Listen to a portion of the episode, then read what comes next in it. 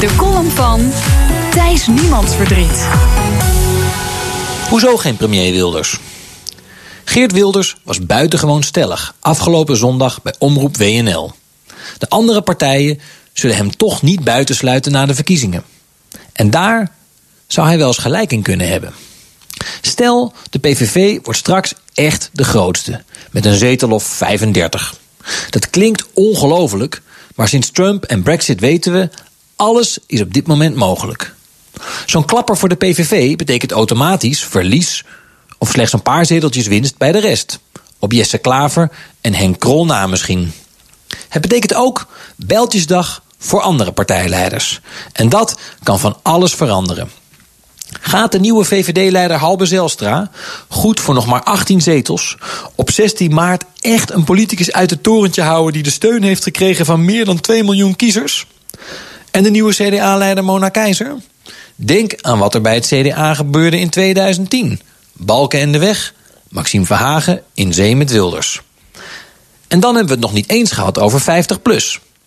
Henk Krol staat straks met zo'n 10 zetels klaar om op zijn minst gedoogsteun te verlenen.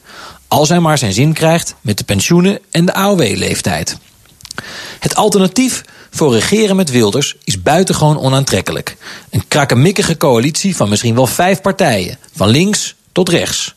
Bovendien zou Wilders op 16 maart zomaar eens een paar onhaalbare eisen kunnen laten vallen.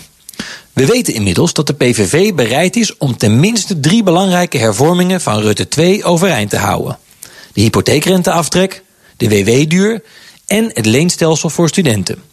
Dat staat niet in het verkiezingsprogramma, maar dat heeft de partij wel bevestigd aan de stemhulpen Kieskompas en Stemwijzer. Misschien nog wel het belangrijkste is dit. In Nederland hebben we een eeuwenoude regentenreflex van meebuigen en inkapselen. Verschijnt er een opstandige club op het toneel, dan verzet de gevestigde orde zich niet. Nee, de hemelbestormers mogen meebeslissen en krijgen deels hun zin. Zo ging dat in de jaren 30 met de socialisten, in de jaren 70 met D66 en in de jaren 0 met de LPF. En uiteraard al eerder met de PVV. Natuurlijk, Wilders moet eerst eens de grootste worden. En ook dan is de kans dat hij geen premier wordt altijd nog vele malen groter dan dat hij het wel wordt.